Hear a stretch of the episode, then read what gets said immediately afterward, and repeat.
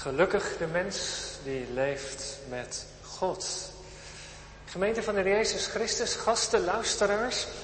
Als je de dichter van Psalm 84 moet geloven, dan is er één ding voor hem zo helder als het maar kan. Wie met God leeft, is gelukkig. Volmaakt gelukkig, wel zalig. Tot drie keer toe zegt hij dat namelijk in de psalm. In het vijfde vers, welzalig zij die in uw huis wonen. De mensen die veel en vaak in de tegenwoordigheid van God verkeren zijn diep in hun hart gelukkige mensen. Vers 6, tweede keer, welzalig de mens van wie de kracht in u is. Gelukkig ben je, zegt hij, als je niet in eigen kracht leeft. En tenslotte aan het einde van de psalm, welzalig, gelukkig is de mens die op u vertrouwt. Gelukkig ben je, zegt de dichter.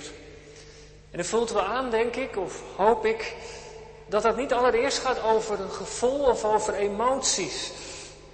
Dat gelukkig zijn. Want er zijn in het leven natuurlijk heel veel momenten waarop je als mens helemaal niet gelukkig bent. Bij ziekte of zorgen, bij moeite of problemen. Nee, gelukkig heeft hier voor de dichter toch een iets andere betekenis in de eerste plaats. Je zou kunnen zeggen, gelukkig ben je beter af, ben je als. Als je leeft met deze God, dan ben je beter af. Beter af dan iemand die niet met hem leeft. En de dichter probeert dat in, in de rest van de psalm ook, ook aannemelijk, ook duidelijk voor ons te maken. Waarom dat dan zo is. En we komen zijn visie op het spoor als we samen, en dat wil ik vanmiddag met u doen, om samen eens te kijken naar wat hij precies over God zegt.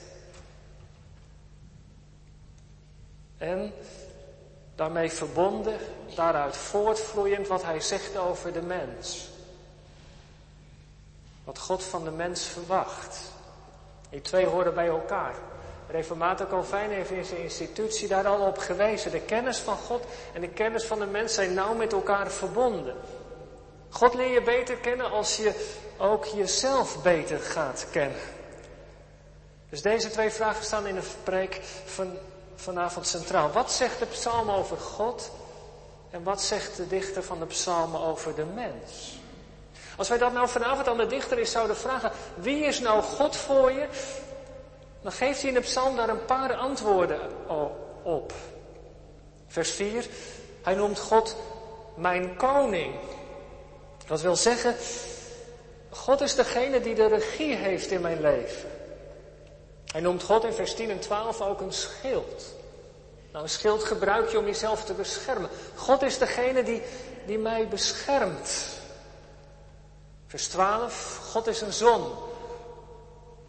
Degene die het donker doet opklaren, die maakt dat ik weer een weg zie. Maar ik wil vanmiddag met u vooral nadenken over een ander zinnetje, wat we in vers 3 vinden.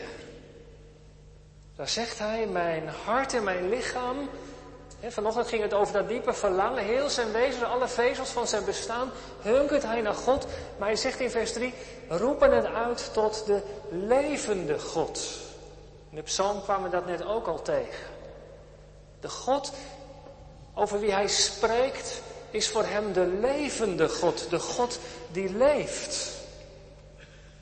Dat is een speciale uitdrukking. De levende God.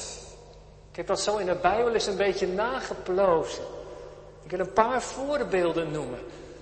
Om met elkaar even af te tasten van wat wil hij daar nou mee zeggen? Dat, dat de God die hij dient, waarheen hij op weg is, de levende God is. In het boek Jozua bijvoorbeeld, als het volk op het punt staat om de Jordaan over te steken, beloofde land binnen, nieuwe toekomst tegemoet, ziet er tegenop het volk en dan bemoedigt Jozua het met deze woorden. Beste mensen, vandaag zullen jullie weten dat de Heere God de levende God is. Hij zal zorg voor jullie dragen, jullie mogen door dat water heen het beloofde land intrekken. Hij geeft je een veilige doortocht. Want hij is de levende God. Of een bekende geschiedenis, David en Goliath.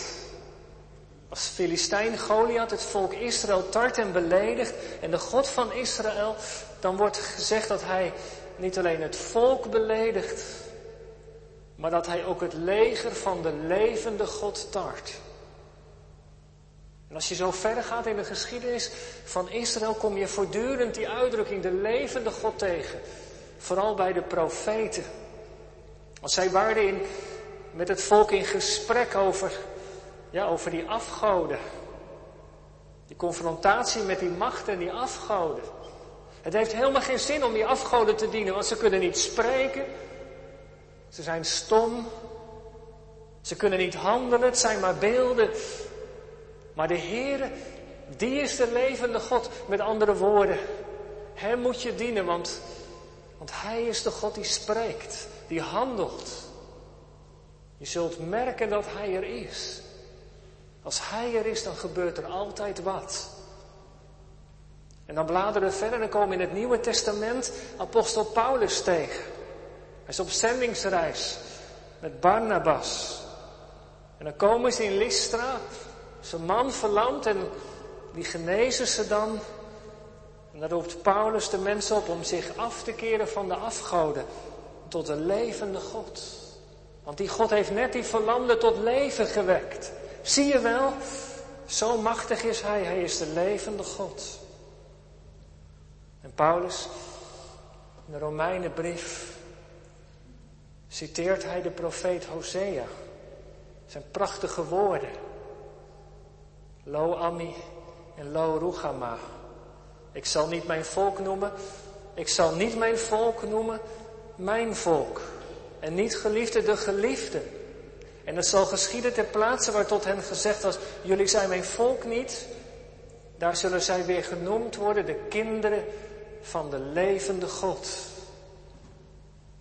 Wie in de Heer Jezus gelooft, is een zoon of een dochter van de levende God. Nog één voorbeeld, apostel Paulus. Hij schrijft een brief aan Timotheus. Hij zegt, ik hoop spoedig naar je toe te komen. Maar als ik nog uitblijf, dan heb je hier mijn adviezen voor hoe je in de gemeente moet werken. Hoe men zich behoort te gedragen in het huis van God. Want dat is de gemeente van de levende God. Een pijler fundament van de waardigheid. En dat is waar de dichter van Psalm 84 dus zijn vinger bij legt. Hij zou dat zinnetje met vette letters willen onderstrepen. De Heere God is de levende God. Hij is niet opgesloten in een beeld, in een boek, in een traditie. Maar hij leeft, hij spreekt en handelt. Je kunt merken dat hij er is. En zo mag de christelijke gemeente, zo mogen wij ook hier in Gouden de gemeente zijn van de levende God. Gemeente waarin het merkbaar is dat de Heere er is, dat hij machtig is, dat hij spreekt. God die zich laat ontmoeten. Zoals hij toen sprak en handelde, zo spreekt hij nog steeds. Want hij is de levende God. Staan we daar wel eens bij stil? Dat als we samenkomen met zoveel op zondagmorgen, dat de Heere de levende God in ons midden is. Natuurlijk, we komen samen rondom het woord. Het ligt elke keer weer open op de kansel. En wij als dienaren mogen erover spreken, erover preken. Maar we zijn geen boekreligie zoals de islam. En Allah ver verheven in zijn wereld. Nee, hier ligt het woord van God. En het woord van God brengt ons bij de God van het woord. En dat is de levende God. Waar twee of drie in mijn naam aanwezig zijn, daar ben ik als de levende God in het midden. En als Hij er is, gebeurt er altijd wat. Als Hij er is in Zijn genade, dan is dat nooit te vergeefs. Gemeente, dan mogen we grote dingen verwachten als we samenkomen en als Hij in ons midden staat. Als Hij degene is op wie we gericht zijn met elkaar. Gemeente van de levende God zijn we. Ja, zegt u, hoe merk je dat dan? Dat Hij aanwezig is? Nou, heel concreet. Dat het woord van God je hart raakt. Dat het binnenkomt. Je wordt erdoor bemoedigd misschien. Onzekere week tegemoet. Maar er is zomaar een regel uit het woord dat je hart raakt en je ontvangt moed om verder te gaan.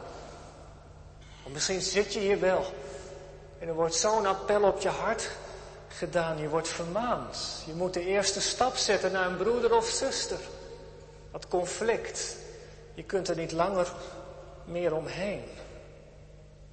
De Heer kan door zijn geest je innerlijk raken. Je hele van een bepaalde pijn, van de verwondingen die je misschien wel in de relatie met anderen hebt opgelopen. Je ontvangt zomaar verhoring van een gebed. Niemand wist het, maar opeens werd het duidelijk. Of een fysieke kwaal waarvan je werd genezen. Hoe het ook zij, wat er ook gebeurt, als wij samenkomen, dan mogen we naderen tot de levende God. Je zou kunnen zeggen, elke keer weer als we samen zijn en de Heeren zingen, dan komt Hij als de levende God naar ons toe. Misschien wel door de Heilige Geest, dat Hij zomaar de rijen langs gaat. En ons geeft wat we nodig hebben, want omdat de Heer de levende God is, komt Hij nooit met lege handen. Wist u dat? Al wat ik u ontbreekt, schenk ik zo gij het smeekt.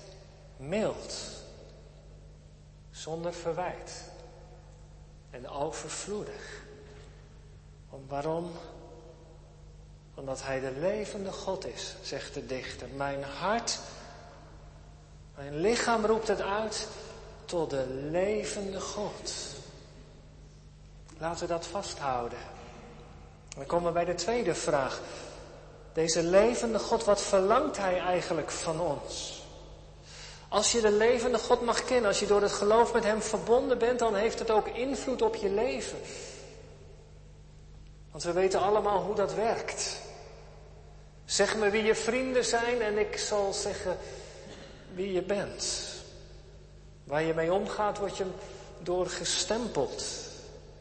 Zo is het eigenlijk ook. Als je met deze levende God verbonden bent, dan komt zijn leven in je. En dat heeft consequenties. Weet u welke? Nou, ik noem er twee. De dichter geeft ze ook aan in de psalm. Als ik het goed beluister, legt hij opnieuw de vinger bij twee dingen. Het eerste is gebaande wegen. Dat staat er in, in vers 6. Gelukkig ben je als je leeft in de kracht van God. En dan staat er zomaar een tussenzinnetje. In hun hart zijn de gebaande wegen. Wat wil dat zeggen? Nou, zo moet je het in ieder geval voorstellen. Zoals het was. Toen het volk Israël in, in het beloofde land kwam, moest het land ontgonnen worden. Het, het land was een wildernis. Er groeide geen graan en koren. Waar de bomen, struiken, allerlei begroeiing was geen doorkomen aan. En ze moesten het land ontgingen. Er moesten paden gemaakt worden. Maar zo is het, zegt de dichter. Het was een dor en droge boel. Maar de Heere God moest daar een weg doorbanen. Wat wordt daarmee bedoeld? Dat in je hart een gebaande weg is. Nou, ik denk dit. Dat in je hart geen obstakels meer zijn. Naar God toe. Ik herinner mij een beeld uit de tijd dat een oom van mij zendeling was in Indonesië, in het binnenland van Papua Nieuw-Guinea. En naarmate de zending daar meer voet aan wal kreeg en mensen tot geloof kwamen, verspreid daar door de binnenlanden, begon men overal kleine dorpjes te bouwen en bij de dorpjes ook een strip. Een landingsbaan voor de vliegtuigen van de MAF. De Mission Aviation Fellowship. En wat deed men dan? Dan zocht men een grasveldje uit, wat enigszins vlak was. Dan kapte men de bomen, dan verwijderde men de stenen En trok het struikgewas uit de grond.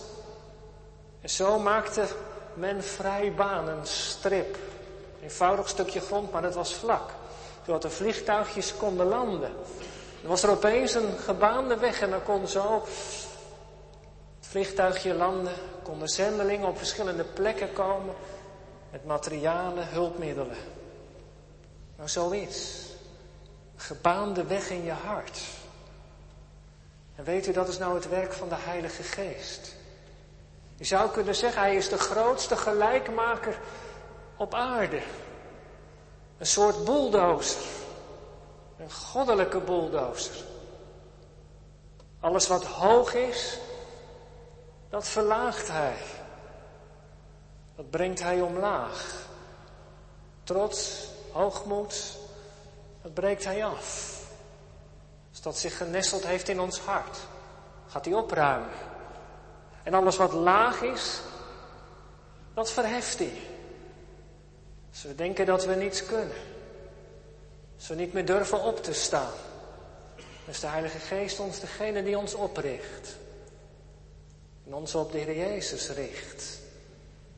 En zo is Hij bezig. Hij wil geen obstakels, maar Hij wil een gebaande weg in ons hart.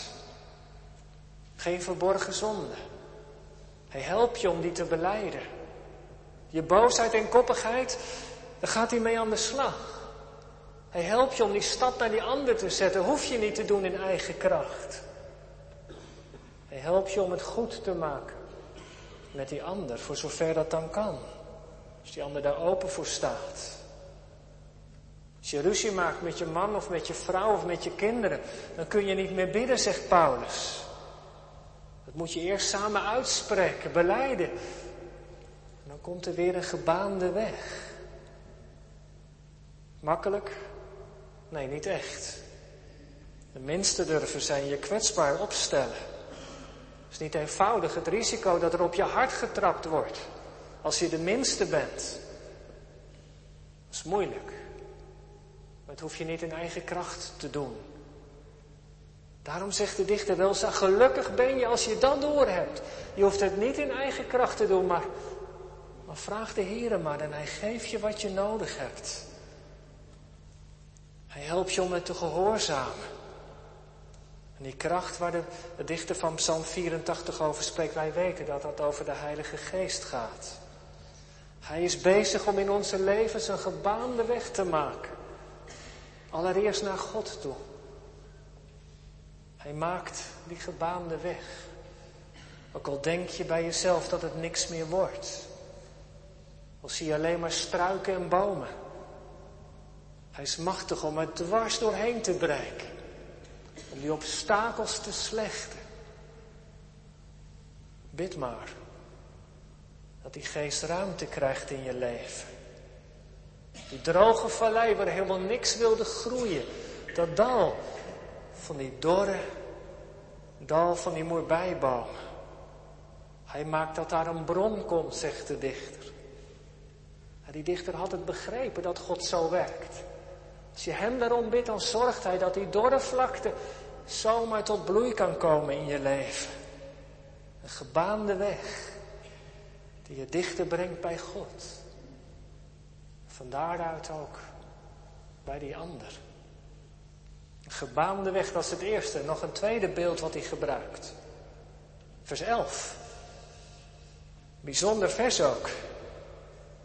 Ik kies ervoor één dag in uw huis is beter dan duizend elders. Ik sta nog liever op de drempel van het huis van God dan dat ik woon in de tenten van de goddeloosheid. Zo, de dichter plaatst die twee tegenover elkaar. Er is het huis van God, waar de levende God werkt.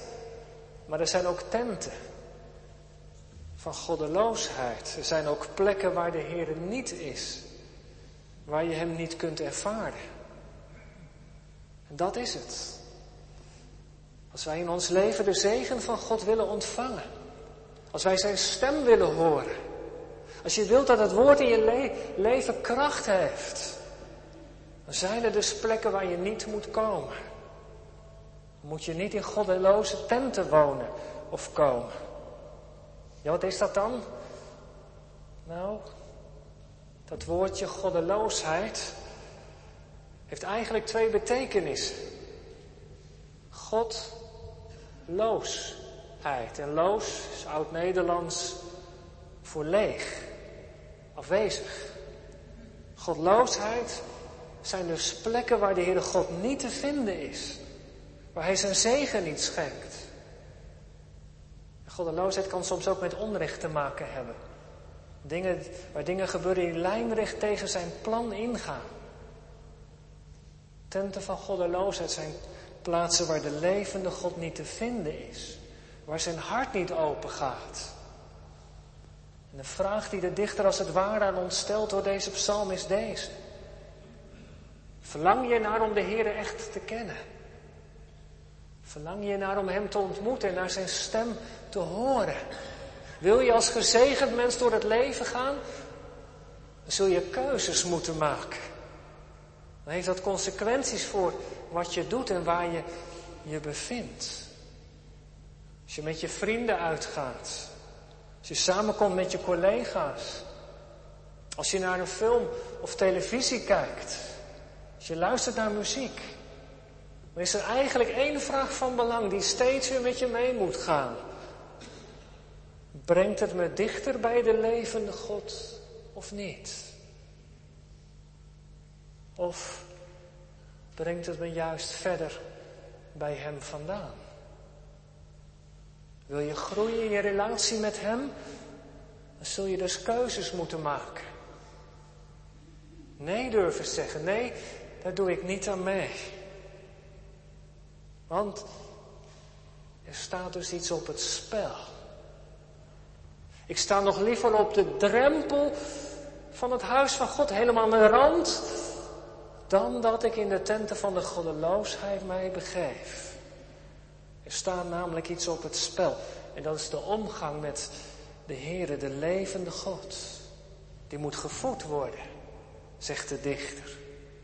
En als je ervoor kiest om dat te voeden met dingen die niet goed zijn voor je relatie met God, dan loop je dus een risico. En weet u wat dat risico is? je steeds minder van de Heere merkt in je leven. Dat je hem niet meer tegenkomt overdag. Als je de levende God niet meer ziet, niet meer kunt ontmoeten. Als de Jezus uit beeld raakt, dan ebt het leven uit je weg. De vreugde, de kracht. Dan verschraalt de omgang met de Heer, dan ervaar je steeds minder van zijn kracht dan wordt je leven net zo dor als die BK-vallei. Wat door het dal van de moerbijbomen, waar de dichter het over spreekt. Durf je nee te zeggen? Kies je ervoor om de relatie met de Heer de hoogste prioriteit te geven in je leven? Dat is de vraag die we mogen meenemen vanavond. Natuurlijk, ik besef goed, je, je kunt niet wereldvreemd zijn. We gaan nu eenmaal met mensen die niet geloven op je werk. Als christen bevind je midden in de wereld. Maar je bent niet van de wereld, toch? Maar ja, de wereld, die bevindt zich ook in mijn hart. In jouw hart. We zijn allemaal moderne mensen. Misschien hebben we juist alleen maar vrienden die niet geloven. Maar toch, die keuze. Die omgang met de levende God, is je dat wat waard? Zou je daarin willen groeien? Er zijn er dingen waar je nee tegen moet zeggen. Kan ik voor u niet allemaal opzommen, maar neem alstublieft die vraag mee. Welke dingen zouden dat zijn in jouw leven? In uw leven morgen, morgenavond of op een andere dag in de week? De dichter van Psalm 84 heeft een keuze gemaakt. Je zou kunnen zeggen, het is wel een beetje een andere tijd, maar ook hij is met heel zijn leven, met alle vezels van zijn bestaan verbonden aan de wereld waarin hij leeft. Ook hij is een zondig mensenkind. Hij maakt fouten, net als wij. Er zijn momenten dat hij ook verwijderd was van de Heer. En daarom, daarom is het ook een lied van verlangen. Als je beseft dat je bij hem vandaan raakt. Dat God je toch niet loslaat en je weer bijtrekt het verlangen weer aanwakkert. Ja, zeg je.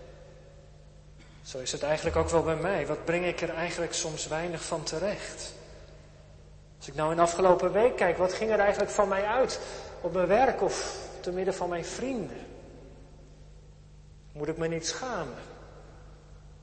Weet u, het staat er niet, maar ik vermoed, als die dichter van Psalm 84 een beetje mens was, net als wij, dan heeft hij zich ook herhaaldelijk geschaamd voor zijn leven. Maar weet u, Psalm 84 bevat een bijzonder geheim. Een hele diepe waarde. Het staat in vers 9. Het trof me. Wat doet de dichter een gebed? Vers 9. Heren, God van de legermachten, luister naar mijn gebed. Neem het te oren, o God van Jacob. Alleen dat zinnetje al, de God van Jacob. Zegt ook iets. De God die er zich niet voor schaamt om een God van Jacob te zijn. Maar hij bidt verder in vers 10. Heere God, zie en aanschouw het aangezicht van uw gezalfde. Is niet helemaal duidelijk. Uitleggers weten het ook niet precies of dat nou over de koning gaat, over de Messias. Maar ik denk dat er in dat gebed een diepere lading zit. Deze. Heere God, aanschouw toch het aangezicht van uw gezalfde. Wie is dat? De Messias. Dan mogen wij toch aan de Heer Jezus denken. Die dichter die kende hem nog niet, maar wij mogen het met hem meebidden. Heere God, kijk toch vooral naar hem. Naar uw gezalfde. Hij is de man van uw hart. Hij legde zijn leven af tot een volkomen verzoening van al mijn zonden. Dat hebben we vanavond, vanmorgen gevierd. En als je als mens faalt en je terugkijkt naar de week en je denkt van nou, het kon wel beter. Dan mag je pleiten op het werk van de Heer Jezus. En tegen de Heere God zeggen, Heere God, de woorden van de dichter van de psalm, Kijk alstublieft niet naar mij en naar mijn leven, maar zie het aangezicht van uw gezalfde. Kijk naar uw eigen zoon. Hij was u wel gehoorzaam. Uw gezalfde. Dan komt er ruimte. Dat geeft moed om verder te gaan. Als je weer een keer gevallen bent om op te staan en opnieuw te beginnen. Mag dat ook ons gebed zijn? Op al die momenten dat je verlegen bent met jezelf. Heere God, zie toch het aangezicht van uw gezalfde. Want God de Heere, Hij is de levende God. Ik eindig. De berijming zegt het zo mooi. Hij is zo goed en zo mild. Hij zal het goede niet in nood onthouden, zelfs niet in de dood die in oprechtheid voor hem leven. Oprechtheid, dat is afhankelijkheid. Dat zijn mensen die elke keer met lege handen naar hem toe komen. Heere God, zie toch niet naar mij, maar naar het aangezicht van uw gezalfde. En als je dat ontdekt, als je dat ontdekt hebt, dan kun je de dichter instemmen aan het slot van de psalm. Welzalig, gelukkig ben je Gelukkig Heer, die op u bouwt en zich geheel aan u vertrouwt. Dat doe jij toch ook, hè, of niet? En u? Amen.